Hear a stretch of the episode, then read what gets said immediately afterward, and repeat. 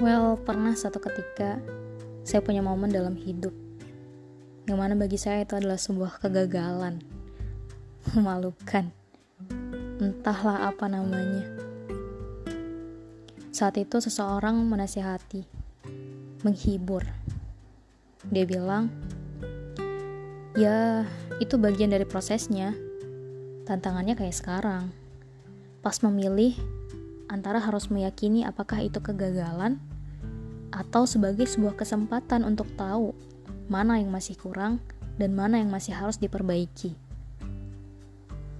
Dari situ aku mengambil kesimpulan bahwa jangan pernah menjustifikasi seseorang dan egois melihat orang lain cuma dari sudut pandang kita pribadi aja.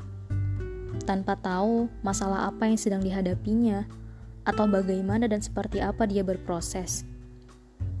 Ibarat melihat kepompong dengan bungkusannya, orang yang tak tahu hanya akan mengira itu semacam benalu tak berguna. Padahal di dalamnya sedang terjadi proses metamorfosis untuk kemudian terlahir kembali sebagai kupu-kupu penyejuk mata nan indah.